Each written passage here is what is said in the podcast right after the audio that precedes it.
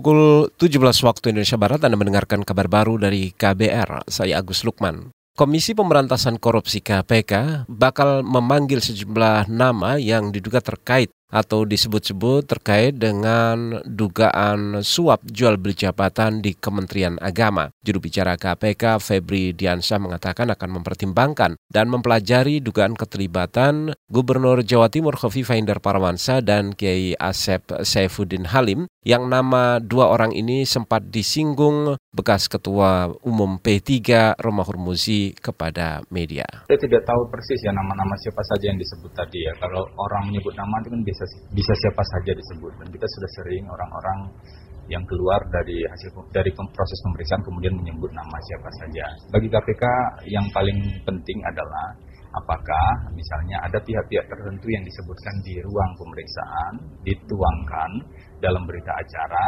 dan dilihat apakah uh, informasi itu didukung atau sesuai dengan bukti-bukti yang lain. Itu tadi juru bicara Komisi Pemberantasan Korupsi KPK, Febri Diansyah. Hari ini bekas Ketua Umum P3 Roma Hurmuzi menjalani pemeriksaan perdana sebagai tersangka dalam kasus jual beli jabatan di Kementerian Agama. Saat keluar dari ruang pemeriksaan, Romi menyebut-nyebut nama dua orang yaitu Gubernur Jawa Timur Khofifah Indar Parawansa dan tokoh agama Jawa Timur Asep Saifuddin Halim. Dua nama tersebut menurut Romi merekomendasikan Haris Hasanuddin untuk menjabat sebagai Kepala Kementerian Agama Jawa Timur. Padahal Haris pernah diberi sanksi hukum indisipliner yang merupakan syarat yang tidak dinyatakan lolos sebagai calon pejabat di Kementerian Agama. Sebagai politisi yang menjabat sebagai Ketua Umum dan anggota DPR, Romi menerima rekomendasi tersebut namun ia enggan disebut mengintervensi panitia seleksi jabatan di Kementerian Agama.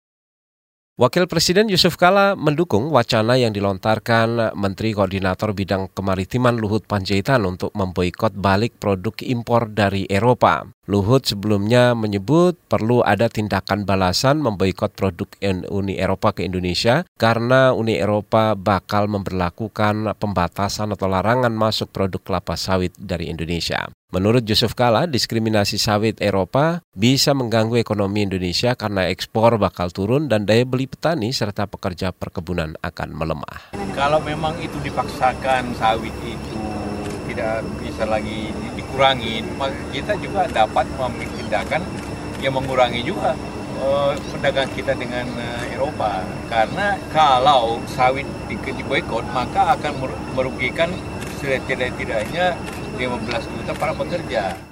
Wakil Presiden Yusuf Kala mengatakan kebijakan Uni Eropa yang akan membatasi produk CPO atau kelapa sawit dari Indonesia bisa berdampak besar pada perekonomian negara-negara produsen komoditas sawit termasuk Indonesia. JK mengatakan pemerintah sudah berusaha keras melobi Uni Eropa agar membatalkan rencana tersebut. Indonesia juga mengajak negara-negara sesama produsen sawit seperti Malaysia dan Filipina untuk meyakinkan Uni Eropa bahwa tidak semua produk sawit merusak hutan. Kepolisian membentuk tim khusus untuk menangani anak-anak dan pengungsi yang mengalami trauma di pengungsian. Tim ini dipimpin Ketua Umum Bayangkari Trisus Wati Karnavian. Menurutnya, tim ini bertugas memastikan anak-anak dan para ibu mendapat penanganan trauma pasca mendapat tekanan psikis akibat bencana banjir uh, dari pihak kepolisian mempunyai tim khusus uh, untuk trauma healing yaitu para polwan dan juga dibantu oleh para pak polisi yang tergabung dalam uh, Bimas Noken. Mudah-mudahan kegiatan tersebut dapat membantu anak-anak dari trauma yang mereka alami pada saat bencana dan kami menyampaikan rasa prihatin kepada para korban. Uh, mudah-mudahan Bapak Presiden dan Ibu Negara akan hadir secepatnya di mana besok uh, Bapak Panglima TNI dan Bapak Kapolri. Ketua Umum Bayangkari Tri Suswati Karnavian mengunjungi tempat pengungsian banjir di Sentani, Jayapura, Papua untuk kegiatan pemulihan trauma. Dalam kegiatan pemulihan trauma, para polisi wanita atau polwan juga mengajak anak-anak bernyanyi, bercerita, bermain, dan membacakan dongeng. Demikian kabar baru dari KBR, saya Agus Lukman.